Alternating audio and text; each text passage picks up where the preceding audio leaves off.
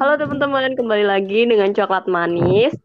Kali ini kita mau bahas tentang masalah yang ada di Twitter bersama Soraya dan Daniel. Hai kalian, hai. Hai, gue admin 2. Admin 2. selalu ya, selalu, selalu ada problem yang nggak terduga. gimana nih, gimana nih? Jadi kalian, kita kan mau bahas soal Twitter nih. Hmm, Twitter. Jadi itu pertama kali bikin Twitter, tahu Twitter itu dari tahun kapan sih? Oke, dimulai dari kanan dulu ya. Iya. Siapa, Pak? ya, ya jelas gua, gua kan orang lurus. Jadi dari Oh, kanan. Lurus. Ya Pak, siap. Kalau gua tuh kenal Twitter itu sejak ini sih, sejak ya, ah, kelas 3 SMA. Jadi dulu tuh awal-awal kenal Twitter karena teman gua sih, teman gua kan mainan Twitter. Nah dulu kan yang masih hype itu kan Facebook ya. Terus gua nanya, asiknya main Twitter apa sih? Ya enak aja. Lo bisa bikin status dengan kata yang dikit dan itu sebuah tantangan gitu loh. Oke lah gue ikutin deh. Habis itu ya udah, gue sama dia banyak-banyakan tweet aja. Jadi kita nyampah di di Twitter aja tuh pas zaman-zaman itu. Zaman-zaman itu kan kalau kita nge-retweet kan harus RT tweet yang Iya, lama. betul. Ribet. Iya bener. Terus kalau kita balesin apa tweet orang juga tweet yang sebelumnya juga harus diikutin lah. Wah itu. Terus juga pas pertama kali daftar foto profilnya masih telur lah. Sekarang udah ceplok. itu sih. Eh, itu ya pas eh, akhir-akhir SMA tahun berapa ya 2011 atau 2012 ya antara itu pasti gak SMA lah ya jadi ketahuan tuanya kan gua. Mau ngomong gua. yes. kalau lu gimana eh sebenarnya gue tau, gue tahu Twitter itu dari waktu zaman kuliah. eh eh eh Ya gue kan? nanya Herta ya gue nanya Herta lu nanti aja dulu Eh, eh, sorry gue. Dan gue gue unfollow Iya, jahat banget. Kurang ajar ya. Eh kentang. Kurang. ya udah dilanjut dilanjut dilanjut Ya ini siapa nih? lu aja lu ntar nangis lagi ya Di eh inget di sini yang punya akun itu si Herta. Biarkan Herta yang memilih. oh Nah, iya bener. iya maaf maaf Iya. Pertanyaannya apa tadi lupa? Dari kapan kamu tahu Twitter? Dari kapan kamu bikin Twitter gitu? Oh, kalau aku tuh jadi sebenarnya tahu Twitter tuh waktu zaman kuliah. Karena kan eh, waktu zaman kuliah itu ya beberapa sempat ikut komunitas-komunitas yang akhirnya ngebuat kayaknya punya Twitter harus kayak sebuah keharusan gitu loh. Dan itu tahun 2013. Betul, lulus tahun 2013 kemudian bikin. Itu pun 2013 sampai 2020 aku inget banget itu ada tiga Twitter. Jadi aku punya tiga Twitter di mana itu masing-masing tuh aku udah lupa sih sebenarnya apa akunnya itu karena yang pertama tuh kayak labil, kayak masih labil, terus setengah la- setengah labil, terus yang 2020 ini udah agak serius sih. Jadi jadi akun lo ini dari tahun 2000 berapa? Yang 13. Kalau yang 2020 ya, kalau aku punya Twitter itu dari 2013. Tapi hmm, setelah itu bikin baru bikin baru kemudian ini yang terakhir nih yang aku pakai sekarang 2013 berarti lu semester berapa itu baru masuk gue maba Hmm. kalian kakak-kakak ya? Kayaknya di sini yang paling yang paling muda gua deh. Aku adik. Kayaknya yang paling muda gua. Ini ya mudah untuk kembali. oh gitu jadi ya Twitter kalau ka- kalau kamu sendiri Her kalau kamu sendiri mulai kapan Sama dari 2013. Mhm. Banyak sih akunnya. Banyak? Jadi bikin akun, terus galau-galau, terus hilang akunnya, nggak tahu passwordnya lupa, terus bikin lagi, terus gitu-gitu terus sampai akhirnya 2019 bikin lagi, terus eh 2018 2018 bikin lagi ya ini yang terakhir. Her Herta mah terbiasa melupakan. Siap. Ya. Jadi trending di Twitter kali ini apa nih? Oke. Hmm, rasanya kalau tiap Yang eh, eh, tiap hari tuh rasanya nggak tiap hari ya. Tiap saat deh kayaknya trending Twitter itu ganti-ganti terus dan kadang aneh-aneh ya nggak sih? tiap detik nggak sih? Aneh-aneh. Dan itu Selalu aja. aneh banget karena eh, ini gak tahu biasanya kenapa sih kalau misal Twitter tuh kan bisa jadi ya trending tuh kan karena yang interestnya kita apa bisa jadi kan kayak gitu terus di sekitar kita kayak gitu karena aku cukup cukup sedih ya kalau misalnya kalau misalnya gini ada di trending itu tiba-tiba ada kayak yang aneh-aneh jadi mikir ini gue pas sering buka atau gimana ya kayak gitu Iya sih bener-bener. Tren- tre- trending lu aneh-aneh. Oh berarti emang ngikutin orangnya sih. Iya bener. Aneh juga orangnya. Oke, sekarang eh, ininya apa? Trending kalian? Yang pertama sih Magdalena. Tapi gue nggak tahu tentang Magdalena apa. Eh WhatsApp sekarang. Kalau Magdalena, kalau Magdalena ini secara umum Oke, ya, itu ini. mereka lagi kayak jelasin tentang ini sih, tentang uh, sudut pandang bahwa wanita-wanita yang bekerja seksual itu mereka lebih mandiri, lebih merdeka daripada wanita-wanita yang menikah. Hmm. Gitu. Oh, gue tahu, gue tahu. Iya Magdalena. Magdalen, Iya sih, Ya, kayak nggak tahu nih. Ya, majalah majalah. ya. Iya ya majalah. Ah, gue, yes, gue follow. Tapi kenapa nggak masuk ke, Iya. ke ini ya, ke trending? Oh, gue follow itu. Ma- Jadi majalahnya tuh memang dia tuh kayak platform, plat- platform yang memang lebih ke bisa dibilang cukup Hmm. feminis sih menurut gue. Ya itu mungkin kalian bisa coba search aja. Jadi itu ma- majalah sih sebenarnya. The Magdalene. Jadi kalau lihat di bio-nya nih ya, Hmm. dia tuh feminis web magazine gitu. Jadi itu kan gue udah follow lama sih sebenarnya. Jadi majalah yang lebih ke feminis, lebih yang memperjuangkan ya pokoknya menyetarakan gender gitu-gitu deh. Dan beberapa bacaannya memang menarik dan kadang ada juga yang cukup kontrover- eh, kontroversi gitu. Coba kalian bisa cek aja, follow aja. Iya. Udah udah langsung follow loh. Tapi memang menurut kenapa aku follow ya? Kenapa aku follow ini? Ada beberapa hal tuh yang memang kadang menarik sih. Dan lebih ke ya kebebasan ekspresi perempuan, lebih gitu-gitu. Ya tergantung kita sih em, mandangnya gimana. Cuman ada beberapa nilai-nilai dia yang cukup ekstrim. Maksudnya bukan ekstrim yang gimana ya, tapi lebih ke ya jarang ada di Indonesia kayak gitu. Hmm. Berarti lebih radikal sama Bener. liberal ya, pandangan feminisnya. Hmm, radikal nggak tahu ya itu itu itu juga eh ini sih apa kalau misalnya dibilang radikal juga nggak terlalu nggak terlalu radikal juga sih sebenarnya. Cuman ya tergantung ya tergantung dari sudut mana. Soalnya ada beberapa memang yang tidak biasa gitu tidak biasa tidak biasa didengungkan di Indonesia tapi dia tulis. Terus apalagi Eh, apalagi yang lu tahu? lebih kayak Soal itu sih Magdalena. menurut menurut gue ya. Jadi memang menarik. Karena ya itu karena ada dia kayak punya tulisan yang beda dari majalah-majalah lain Ini majalah buatan Indonesia bukan sih? Mhm, mhm. Kalau feminis sendiri itu dulu munculnya dari mana itu? Dari Prancis kan? wah ya itu ya karena gue juga bukan menganut feminis juga ya Oke, next next trendingnya di Twitter apa nih? Indira Kalista kan ya? Menurut kalian yang ya Indira Kalista itu gimana sih? Ya jujur gue nggak tahu Indira Kalista itu siapa Mm.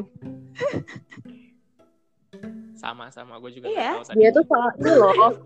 jadi Jadi dia siapa sih Er? Beauty Apa kamu gitu. tahu? Beauty, beauty vlogger. Dia terkenal, Oh. oke. jadi dia bikin konten tentang makeup makeup gitu. Terus dia terkenal. Oh. Nah, ini tuh dia baru pertama kali menerima tawaran untuk ngobrol gitu loh, wawancara. Ini baru dia pertama kali Ah. ngomong. Oke, terus membuat heboh sejagat raya. ya itu kan yang diwawancara sama sama si Grite, Mm. ya nggak sih? Iya. Terus dia ngomong kan, dia ngomong kalau memang dia rasanya tuh kayak B aja gitu sama corona. Terus dia ke mana-mana nggak pakai masker kecuali kalau ditegur habis gitu. Terus dilepas lagi, terus dia juga nggak cuci tangan, langsung makan dan kayak gitu-gitu. Jadi ya, ya nggak tahu mungkin kar mungkin viral, jadi viral tuh karena itu kayak eh, kontradiksi ya kan dengan apa yang orang banyak lakukan sekarang. Mm, Iya nggak sih? mm, mm. Dia juga bilang kok di podcast itu kalau selama corona ini pendapatannya semakin meningkat. Pendapatannya Jadi- dia makin meningkat. Iya, di pendapatan dia semakin meningkat dan dia nggak merasa ada apa-apa gitu loh di nggak ada ngaruh-ngaruhnya soal corona di hidup dia. Makanya dia santai-santai aja. Dia bilang kan, toh ada nggak ada corona juga meninggal kan? Lu nonton video Iya. lengkapnya nggak? Nggak sih, baru awal doang. Terus gue skip. Males gue denger suaranya. Dengan cara dia ngomong aja udah bikin males nggak sih? Ya. Kalau gue tuh kan taunya tahu videonya itu video klipnya aja, potongan di Twitter. Hmm. Nah, pas gue lihat dia dia nyampaikan sesuatu, terus gue lihat oh ya udah nih orang lagi ngomongin apa yang ada di kepalanya aja. Mungkin kepalanya lagi kenapa gue juga nggak tahu gue bisa ngomong seperti itu. Tapi ya kalau gue sih tetap masih mere- apa ya tetap respect dengan apa yang dia omongin. Karena ya Why, why? ya freedom of speech kebebasan untuk berpendapat gitu loh tapi dia juga harus siap untuk mendapatkan kebebasan untuk dihujat Iya sih benar-benar. Nah, betul. terus pas Ya pas mungkin setelah gue nonton klipnya gue juga males buat nonton secara keseluruhannya gitu nggak ada niat aja takut yang ditonton ternyata hanya bualan belaka kan jadi males gitu.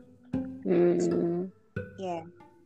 Jadi mungkin yang eh, kenapa bisa jadi kayak rame gitu karena ya tadi sekarang kan sem- hampir ya hampir seluruhnya gitu kan itu mengkampanyekan bahwa kita harus harus melakukan ini itu dan segala macam gitu. Sedangkan ada nih beberapa orang yang tidak melakukan ya pasti pasti itu jadi jadi ini juga kan jadi hal yang berbeda. Nah itu yang mungkin jadi rame kayak gitu.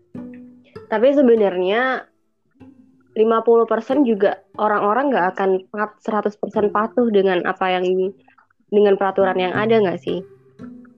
Cuma dia betul cuma dia karena public figure dan dia ngomong seperti itu untuk ditonton, jadi makanya rame.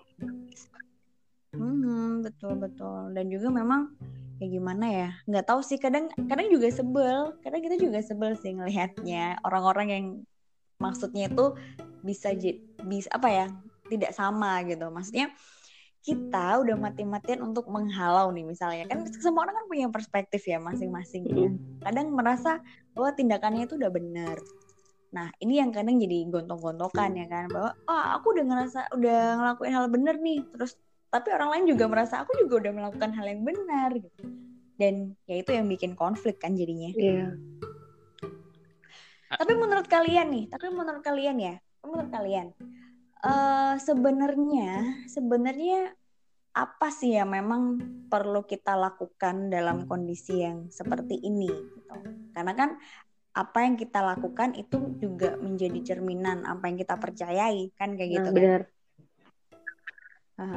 kayak gimana tuh Eh, ini gue ada dua pendapat sih dua sudut pandang sudut pandang di mana Hmm. gue emang bener-bener radikal di sudut pandang sisinya lagi gue lebih manusiawi yang radikal Hmm. itu di mana entah kenapa eh, suatu waktu gue pernah berpikir untuk gue sepakat akan ada genosida Mhm. gue gue kayak bener-bener sepakat apa ya bumi itu udah dikasih atom aja boom manusia 80% mati tinggal 20% yang emang benar-benar bisa survive gue pernah kepikiran kayak gitu kenapa? Karena bumi lagi sakit-sakitnya manusianya egonya tinggi ju- jumlah populasi yang makin meningkat. Terus dengan adanya corona ya udah kalian pada keluar aja lah. Pada keluar terus nanti pada mati semua. Itu itu itu pemikiran radikal gue yang benar-benar parah. kayak nggak mau ribet ya pak. Kayak nggak mau ribet deh ya.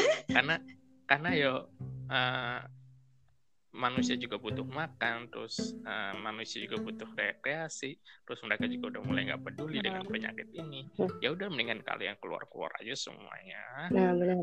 terus nanti kalau sakit mati kan jadi populasi manusia makin dikit nih. Hmm. Jadi kan yang yang hidup-hidup kan orang-orang yang pintar aja nih karena yang bodoh-bodoh udah mati. It, itu pemikiran radikal gue ya. Nah, tapi kalau pemikiran manusiawi gue, gue nah ya udah lalu nggak usah kalau mana-mana. Lo tetap keep dengan apa kesehatan lo.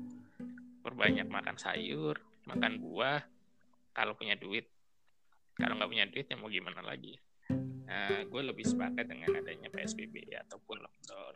Cuma ya itu hal itu kan tetap akan berjalan secara maksimal. Kalau misalnya masyarakat juga secara asupan rezekinya itu ditanggung oleh pemerintah. Atau minimal inilah orang-orang kaya itu bawa, bawa pada zakat gitu loh. Supaya orang-orang yang miskin-miskin ini bisa ini bisa sejahtera secara ekonomi ya pokoknya secara apa kalau misalnya kita bicara tentang covid covid ini pada sudut pandang gue ah, entahlah karena gue ada sisi di mana sisi buruk gue berkata udahlah udahlah pada mati aja. Jahat. Tapi tahu nggak di Eropa di Eropa nggak menerapkan lockdown kan Swedia milih untuk menjalani kehidupan seperti biasa. Iya, ada beberapa negara yang memang menganggap bahwa ya udah life must go on dan kayaknya Indonesia juga bakal seperti iya, itu. contohnya di Malang ya. Di Malang sekarang toko, makanan, terus apa jasa bidang jasa itu udah buka dengan ini. Bahkan makanan di pinggir jalan pun udah buka dengan seenaknya aja. Macet juga sa ya ya memang gimana ya pasti pasti gini. Kalau aku mikirnya itu pasti jadi pemerintah tuh juga pasti bingung. Mm-hmm. ya enggak sih? Ya pemerintah tuh juga pasti bingung. Nggak jangankan jangankan pemerintah deh. Kita pun yang cuman mas cuman mengurusin berapa orang sih ya kan dari keluarga kita. Sedangkan pemerintah hampir seluruh Indonesia ini semuanya Indonesia ini yang dia urus kan. Ya pasti dia juga pasti mikir mikirnya pasti bingung, bingung bimbang dan segala macem kayak gitu. Cuman ya memang harus ada ketegasan sih. Kalau menurut gue lebih ke ketegasan yuk ini masyarakat nih mau dibawa ke mana nih? Gitu. Ya iya benar. Ini ya gue bacain tweetnya Hola Ramdana dia nge-tweet soal herd immunity jadi dia bilang, hmm. dengar-dengar karena lockdown dan PSBB nggak berhasil dilakukan di Indonesia, maka bakalan ke arah herd immunity. Jadi herd immunity itu kalau menurut Al Jazeera itu kayak mengacu pada situasi di mana cukup banyak orang dalam situasi populasi yang memiliki ke kekebalan terhadap infeksi sehingga dapat secara efektif menghentikan penyebaran penyakit paham nggak maksudnya? Jadi dia hmm, hmm. kebal dalam hal apa pun gitu. Kalau dia nulis ya. ada dua cara. Yang pertama dengan vaksin. Tapi kan vaksin itu belum ada kan? Belum ditemukan kan soal vaksin corona. Nah yang kedua itu yes.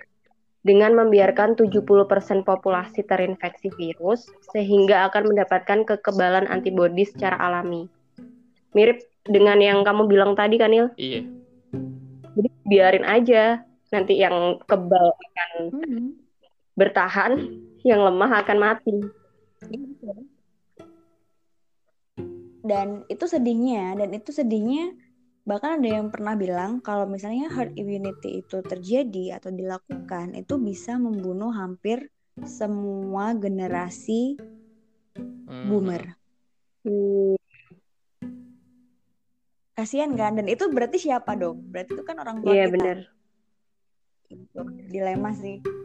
Dilema. Apalagi sekarang kan pemerintah itu bilang kalau oke yang umur 45 tahun ke bawah itu boleh bekerja boleh keluar dan segala macam. Tapi 45 ke at- 45 ke atas nggak boleh. Tapi diem di rumah aja Mm-mm. kan. Nah itu bisa jadi tuh. Maksudnya ya nggak tahu sih itu mengarah ke mana. Tapi kan itu udah ada klasifikasi dong berarti ya kan bahwa oke berarti memang yang sudah menginjak 45 ke atas tuh kalau bisa ya udah di rumah aja gitu gitu. Hmm. Yes, dibilang ngeri-ngeri sedap sih menurutku kalau herd immunity tuh ya ada plus minusnya ya pasti Hmm. ya. Swedia itu menerapkan herd immunity ya. Dia nggak pakai social distancing, nggak nggak menerapkan Nah, lockdown. populasinya Swedia berapa juta orang? Lebih banyak mana sih? Gue juga nggak tahu Indonesia ya. ya. Lebih banyak mana sih? Indonesia apa Swedia sih? Google dulu, Bo. Indonesia Google. di Kayaknya Google. lebih banyak. Indonesia. Karena Indonesia kan menerapkan banyak anak banyak rezeki. Ya itu. bener. Dan juga menerapkan banyak istri juga banyak rezeki.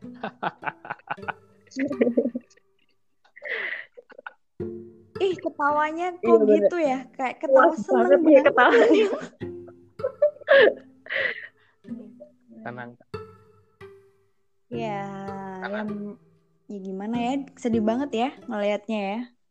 Ya di sisi lain sih kalau secara pribadi kalau aku ngelihatnya herd immunity itu ya memang mungkin itu adalah opsi ya kan? Salah satu opsi. Tapi di sisi lain kok rasanya ya aku nggak ngerti ini secara pribadi aku merasa bahwa itu berseberangan dengan nurani. Gak tahu kenapa aku merasa bahwa kalau kayak gitu ya berarti kita mengorbankan Banyak. orang lain dong ya kan? Mengorbankan keberadaan orang yang lahir lebih dulu dari kita kayak gitu sedih jadinya Emang nggak tahu nggak tahu apa nih gue yang belum paham betul apa gimana cuman gue merasa bahwa kalau oh ya Ya obrolan ya kita ini sedih orang- gitu. kayak kayak orang awam yang janganlah nggak tahu secara keseluruhan terkait dengan COVID ini kan. Kita kan cuma tahu ya dari media yang memberikan Hmm. COVID ini. Hmm, hmm. Kalau lu sendiri gimana, tak? Indira Oh, Kalista. Oh. Nggak setuju sih. Maksudnya kesel aja. Meskipun Hmm. emang gue nggak 50% nggak menerapkan peraturan pemerintah. Tapi kan kalau dia bilang itu di publik, jadi kan nanti jadi contoh. Ya dia mengkampanyekan kan. Banyak yang meremehkan nanti. Jadinya Apa? kayak mengkampanyekan. iya betul mengkampanyekan Aha, benar. Dan dia ngo- ngomong itu dengan bangga kan, dengan perasaan bangga. Terus, ya ya itu sih yang Iya. disayangkan Ini. maksudnya mm-mm. ya karena dia yang disayangkan sih itu mungkin mungkin ini akan berbeda dengan orang yang biasa aja cuman kan dia karena ya jadi sorotan jadi public figure jadi apa pun yang dia pakai apa pun yang dia omong itu pasti jadi Kontroversi. jadi apa ya eh, jadi ikutan lah orang-orangnya itu sih yang dibikin kayak hmm, malah malah sebenarnya kalau gampangnya ya gampangnya kalau misalnya oke misal oh gue nggak percaya nih sama yang namanya covid dan segala Mm. macem gitu. Ya nggak masalah tapi at least ya kita dengan cuci tangan tuh kan udah kebiasaan Ya, baik bener. ya kan? Kita nggak nggak perlu lihat nggak nggak perlu lihat covidnya deh gitu ya. Cuma lebih kelihat ke oke kita sekarang mulai sering cuci tangan itu kan kebiasaan baik. Terus jaga jarak aman nanti juga juga kebiasaan baik kenapa? Karena kan kita udah maksudnya secara dulu-dulu kita sering de- berdempet-dempetan dan itu kadang bikin orang nggak nyaman kan. Tapi sekarang kita bisa atur terus udara juga lebih segar iya nggak sih? Kalau aku malah kayak gitu. Positifnya sih itu.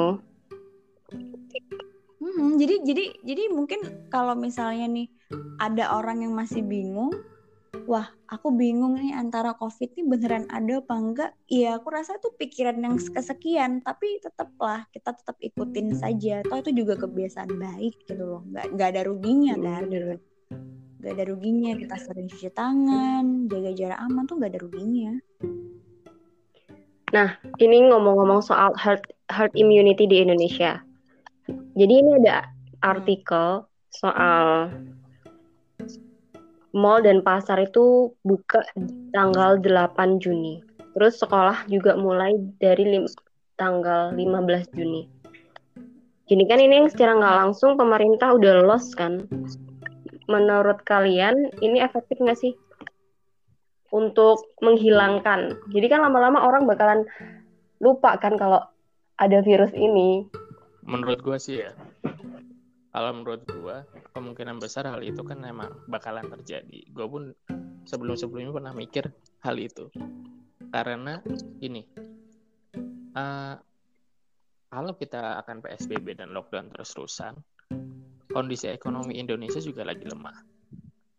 Eh, kurs Hmm. kurs rupiah pun juga jadi ini kan Eh, nilai rupiah juga jadi naik kan. Sekarang jadi berapa tuh? Terakhir kemarin 15.000 apa 14.000 itu per satu dolarnya gitu loh nah terus eh, hampir Udah masuk menyentuh 15, Bos. kayaknya. ya kalau misalnya pemerintah sampai nyetak uang juga karena misalkan harus ada PSBB sama lockdown ya walau kemarin pun ini apa ada informasi yang gue baca pemerintah mau nyetak sekitar sampai berapa triliun itu ya. Terus akhirnya kan ditolak sama Bank Indonesia karena kalau misalnya dicetak uangnya malah akan terjadi inflasi jadi kalau misalkan eh, herd immunity itu akan digunakan sekolah-sekolah, perekonomian, eh, mall-mall dan lain-lainnya itu kembali dinaikkan lagi, ya kita bisa jadi nggak bisa nolak itu karena kalau misalnya kita akan lockdown terus, mau makan dari mana? gitu. Kalau gue mikirnya ke sana sih. Ya bayangin aja deh, nggak semua orang itu kerja dalam kantor. Banyak pekerja yang modalnya dari eh, pekerja harian. Terus banyak eh, bisnis-bisnis kecil yang menggaji karyawan-karyawan yang ada di sekitarnya aja dari kampung-kampung gitu. Ya mereka kan juga bisnis kalau misalnya mereka nggak ada pemasukan, perekonomian nggak jalan, mau ngandelin siapa? Jadi kemungkinan besar itu terjadi, semuanya dibuka, buka, buka, buka. Ya itu bukan menjadi se- sebuah keharusan, tapi itu kayaknya pilihan deh. Mau gimana lagi kalau misalnya nggak kayak gitu? Kalau dari gue sih gitu. Jalan jalan satu-satunya ya untuk bertahan hidup memang Ah, ah, kalau kalau gue sih, eh, kok gue ngerasanya di sudut pandang gue seperti itu. Toh juga sekarang masyarakat Indonesia juga udah mulai adaptif. Adaptifnya gimana? Eh, mereka udah mulai membiasakan diri untuk pakai masker ke mana pun. Yang membiasakan diri nggak nggak menyentuh barang sembarangan. Udah mulai membiasakan diri untuk cuci tangan. Hal ini kan hal-hal positif. Coba lu inget-inget deh, kalau lu ke mall, ke kantor-kantor gede, itu kan sering banget, atau enggak ke bank itu kan kita sering banget di ini dikasih apa? Eh, pakai signal detektor itu loh, eh metal detektor. Mm-mm. Itu kan ada adanya itu kan sejak ada bom di Bali kalau nggak salah. Jadi waktu itu ada bom di Bali meledak itu, terus setelah itu setiap di tempat mana pun itu udah ada yang namanya metal detektor. Sebelumnya kan nggak ada. Ya sama aja dengan adanya eh, COVID ini, manusia udah mulai beradaptasi untuk menjadi lebih bersih. Ya semua hal akan kembali seperti semula, tapi manusianya aja yang akan terus eh, menjaga dirinya untuk lebih bersih lagi. Toh ya, toh ya diberitakan di di media-media, hampir sebagian besar korbannya kan orang-orang yang eh, lebih tua dan yang memiliki penyakit bawaan sebelumnya. Mm-mm. Kan belum ada kan? Dia meninggal karena pure oleh COVID kan nggak ada. itu yang yang belum diberitakan sih ada atau enggaknya kita nggak tahu Hmm. nah kalau gue sih itu aja mungkin si Soraya punya sudut pandang yang berbeda sama gue biasanya dia lebih kontra sama gue Mana ada sosokan. Nggak, kalau gue gini. eh, kan memang bertahap ya. Memang secara garis besar bisa dibilang ya tadi tadi sempat dibahas gitu bahwa memang dua mata pisau lah. Kita tuh menyelamatkan dua hal, keselamatan atau kesehatan dan ekonomi ya Mm-mm. kan. Jadi memang sangat dilema. Kita juga nggak bisa menyalahkan sih sebenarnya saling tuduh, saling salah. Ya tidak tidak pas juga gitu karena memang siapa sih kondisi kon- siapa yang mau kondisi seperti ini kan kayak gitu ya. Dan memang ada hal-hal yang memang perlu dikorbankan. Secara ekonomi gila ini sangat terpukul banget. Gak cuman orang yang bekerja harian ya atau pekerja yang memang mendapatkannya secara harian atau bilang langsung saat itu juga gajinya tapi enggak orang-orang bahkan yang pekerja kantoran pun tuh terdampak juga. Bahkan orang kaya pun nih pengusaha terus itu juga kena dampaknya. Dan dia juga sempat stres lah bosku aja sempat stres banget gitu padahal kan kalau misal kita lihat nih ngapain pengusaha orang banyak kok duitnya? Ternyata nggak seperti itu gitu. Ternyata memang kedampak banget gitu kan. Bahkan sampai dikurangin gajinya sampai unpaid leave sampai nggak dibayar dirumahkan dan segala macam jadi semuanya kedampak. Dan memang langkah langkah kalau misalnya dibuka lagi di dalam tahap bertahap kan mulai dari sekolah terus mall dan segala macam ya bisa dibilang tuh salah satu upaya juga biar ekonomi kita nggak semakin melemah gitu. Dan tapi dari segi kesehatan, nah ini yang mungkin agak berat ya. Apalagi dengan budaya kita, budaya orang Indonesia yang rasanya kalau nggak akan nggak akan diem kalau nggak kena kan Ya, gitu ya. Nggak akan rasanya nggak nggak akan dia nggak akan mau berhenti kalau wes hmm, kena wes kayak gitu kan istilahnya ya kan.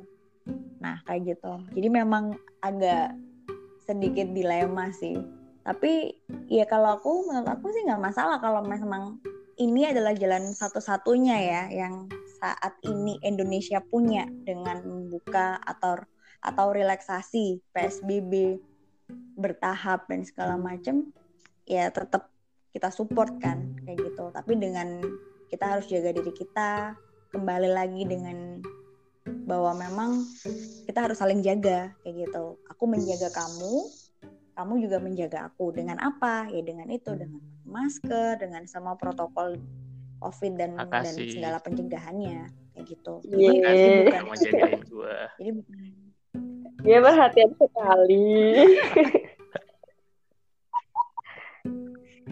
iya nggak sih? Kan kayak gitu. Jadi memang dilema dilema memang. Jadi semua orang saat ini bingung gitu. Cuman memang kita harus tegas. Kita harus ambil satu keputusan dan kita nggak bisa menyenangkan semua orang. Gini deh gitu. Indonesia itu Hmm. udah menganut sistemnya demokrasi.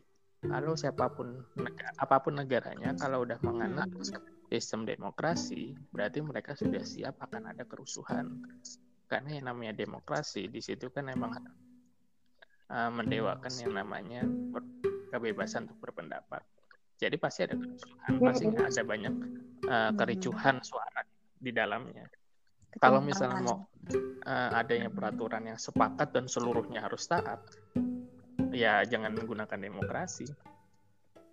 Seperti contohnya di di Mhm. Thailand apa Vietnam itu. Terus di mana lagi di di Korea Utara, nah, itu lebih mantap lagi. Kasusnya nol. Siapa yang ketahuan ada ada COVID, besoknya sudah tembak nggak mau ribet itu Nah, iya. menurut gue keren sih udah gue nggak mau ribet gitu Oke lanjut jangan ngomongin COVID lagi nih mas banyak nih yang di trending trending nih. Capek ya kalau ngomongin covid terus ya tahu gila nggak selesai. selesai selesai Apalagi kalau ngomongin tentang kontroversi, konspirasi. Jadi yang next apa nih? Indonesia terserah ada nih. Indonesia terserah. Indonesia Iya. terserah itu apa? Wah Indonesia. Ini yang gue Eh, lihat nih dari tadi eh, Indonesia terserah hashtag Indonesia terserah itu kayak eh, eh, sifatnya seperti sarkastik sih. Sarkas nggak sih?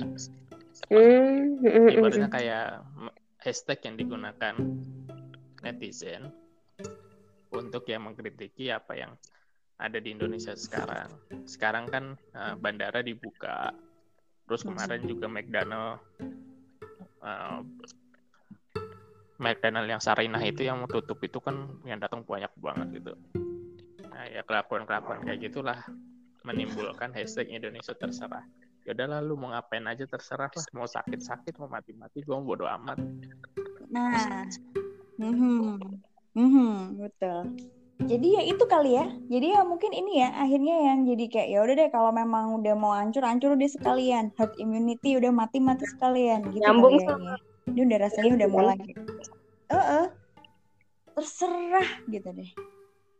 Ya wajar sih kalau menurut gue. Karena ya orang kalau misalnya dia udah melakukan sesuatu hal, banyak melakukan sesuatu hal, tapi ternyata tidak dibarengin dengan lingkungannya, ya pasti dia juga akan merasa terserah. Kayak cewek kalau Kamu mau ditanyain, apa? Terserah. Terserah. Dan gimana Den? Kalau misal lu temu cewek atau cewek lu deh, sering nggak ngomong kata Ah. terserah gitu? Kalau cewek gue sih, tar-tar gue inget-inget ya. Jarang sih ngomong terserah. Jarang ngomong terserah. Seringnya sebelum dia ngomong terserah, gue bilang dulu ke dia, lu mau makan apa, pilih. Kalau lu nggak nggak tahu mau makan apa, lu ikut gue. Gue berhenti di mana, lu harus makan di situ. Gue ngomong gitu sih. Jadi sel- jadi selama Nah, ini ya, kalau gitu misalnya gue misalnya mau makan bareng sama Hmm. cewek gue, ya gue bilang aja, udah lu mau makan apa, gue ngikut yang penting makan nasi gitu. Ya Kalau- bagus sih, kalau bagus kamu sih apa, Sore? gitu. Jadi Kalau kamu jawabannya Iya. apa? Kalau ditanya, kamu mau makan apa? terserah. Tapi habis gitu, habis gitu ya udah makan A ya, misal oh yaudah makan nasi goreng ya, nggak mau.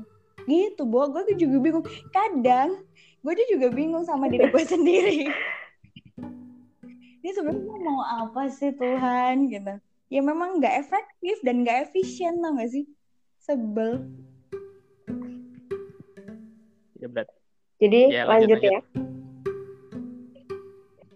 Yang lain apa Satpam nih? BCA. Gak ada, belum ada di Udah Udah turun turun. ya? Udah turun. WhatsApp. Ini WhatsApp Hmm. habis ini tuh, habis pembaharuan kah? Oh, nggak tahu. Kita bahas aja WhatsApp. Kenapa kita pakai WhatsApp? Terus hal-hal lucu apa yang pernah terjadi di WhatsApp Bener. kali ya? WA mood check. Hide Eh, eh gue mau, you, tips, hide group. eh gue Eh bener bener bener bener bener bener. Kalian pernah nggak sih gitu? Jadi kalian bikin stat story, terus untuk satu orang aja gitu, only with only itu siapa gitu? enggak, enggak pernah. Gue nggak sebutin itu. Sorry. Nggak pernah. Gue nggak pernah. Lu pernah ya? Lu Karena pernah ya? dia Hen? nanya berarti Gila, dia lu, pernah. Dia Lu butuh pernah. pendukung. Kayaknya Tuh sih. parah, nggak jadi lanjut. Enggak, ngapain, ngapain? Lu emang ngapain? Apa motivasi lu untuk nge-hide semua orang dan cuman bisa Ya dilihat biar dari- yang lain nggak lihat aja, jadi malas buat buat send secara personal, ya buat ngode gitu loh. Oh, Oh, oke, biar biar orang lain oke. juga nggak tahu lu bucin Apa itu gitu ya. bener-bener satu orang? Begitulah. Tapi tapi itu bener-bener cuman satu Iya. orang doang yang bisa lihat. Oke, ada berapa kontak sih kira-kira di lo? 300 kayaknya. Bentar, eh Oke, satu persatu, Bo. Satu persatu nyentang, nyentang, nyentang, No. nyentang, nyentang. di sini Apa ada tiga pilihan. Oh, yang di ini. Oh, yang di yang yang Iya. paling bawah ya? Yang hanya bisa Iya. dilihat itu kah? Oke. Terus kalau untuk yang kedua, yang Nah, pilihan kedua itu. gimana? Itu hide Itu siapa?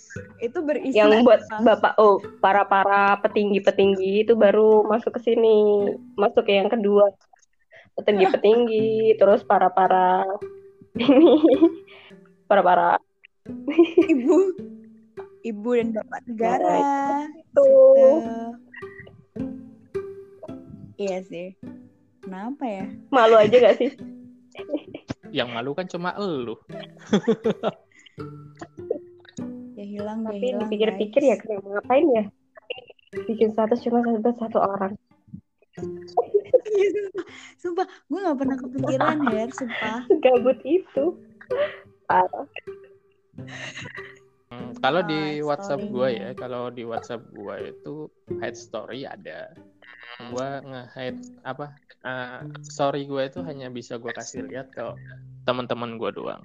Karena kan karena nomor gue kan juga nah sama yang nge-save banyak gitu loh. Termasuk kolega kerja gue. Kolega kerja gue ini kan gue paling males kalau satu-satu gue dilihat siap. mereka. gitu. Karena gue kan di di sisi lain gue punya sisi buruk gue yang gue nggak mau gue kasih lihat ke orang-orang kantor. Jadi ya mereka bukan masuk ke circle gue jadi nggak gue kasih lihat kehidupan gue. Itu aja. Kalau kalau di WhatsApp sih gitu.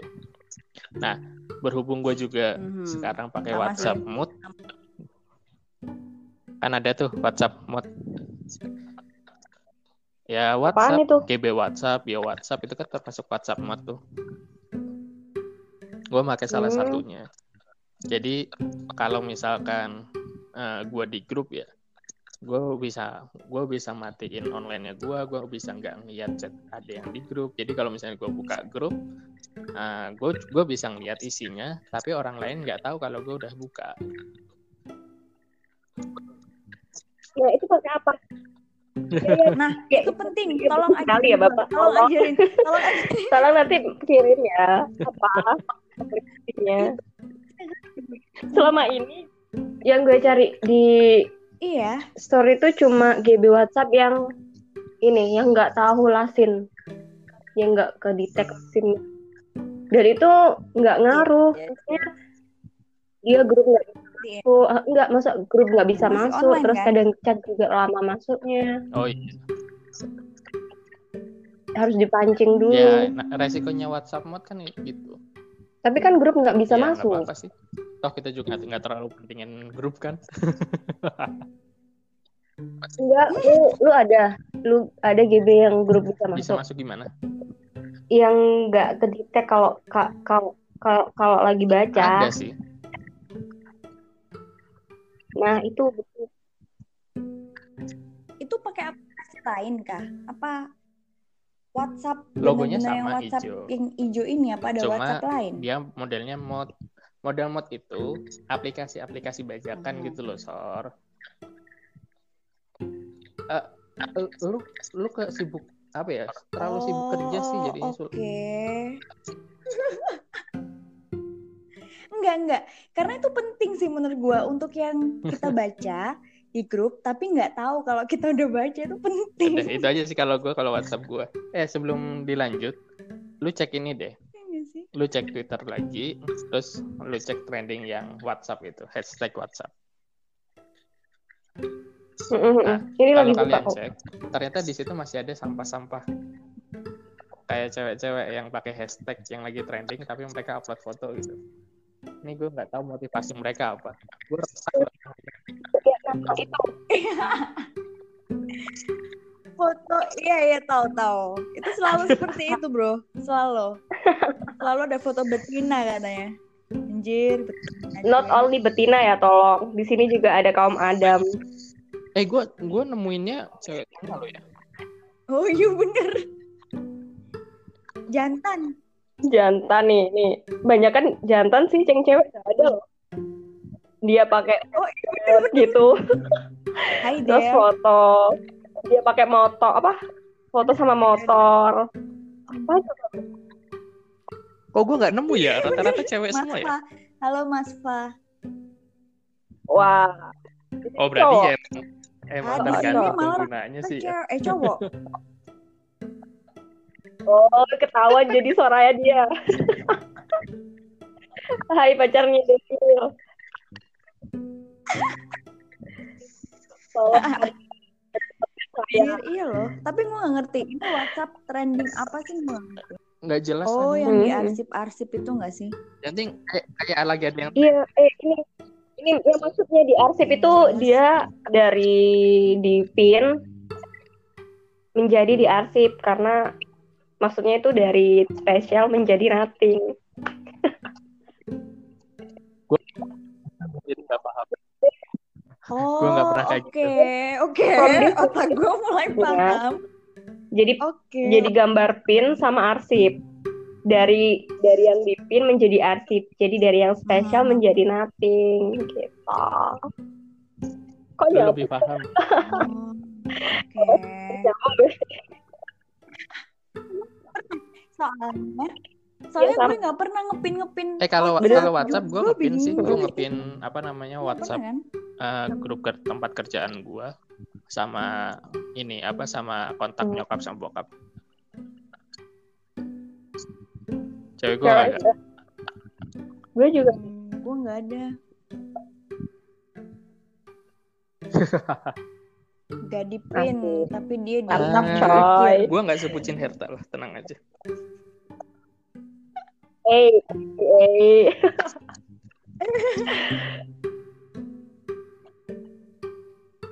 Gak apa-apa. Nah, Bucin bener. bukan sesuatu hal yang salah Kan kok. mengekspresikan Gak apa-apa.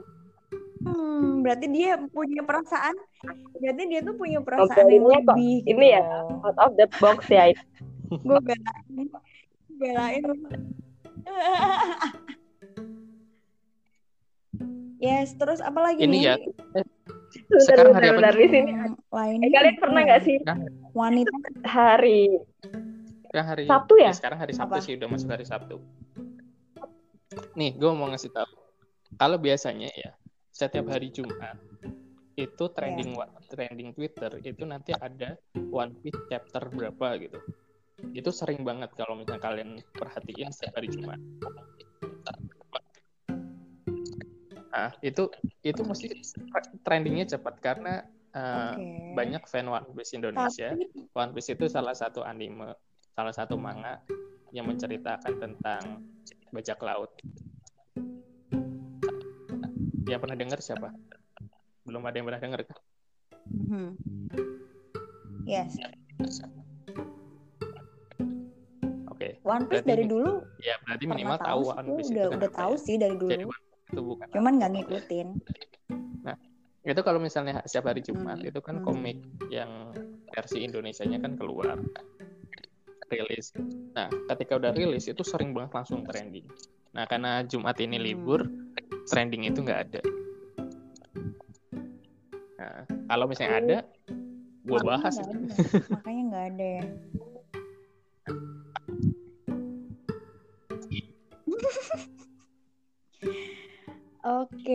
Terus ini ini Ini kan banyak Korea-Koreaan gue di WhatsApp tentang WhatsApp kalian pernah nggak? Jadi semua kontak kalian itu diarsipkan. Dia pernah, Iya iya iya ini. gue pernah lihat temen. Gue lihat gue lihat. Jadi semua kont eh, semua chatnya dia tuh diarsipkan buat apa coba? Ya dia bosen kali. Iya, Dia lagi bosen. maksudnya ngapain satu-satu diarsipkan? Lagi gabut. Iya ya, Lu pernah lagi gabut sih. Takut ketahuan. Enggak, gak pernah gue. Kadang Gue kadang pernah nggak sih itu yang kalian tuh menurut kayak menyebalkan baru update. diarsipkan.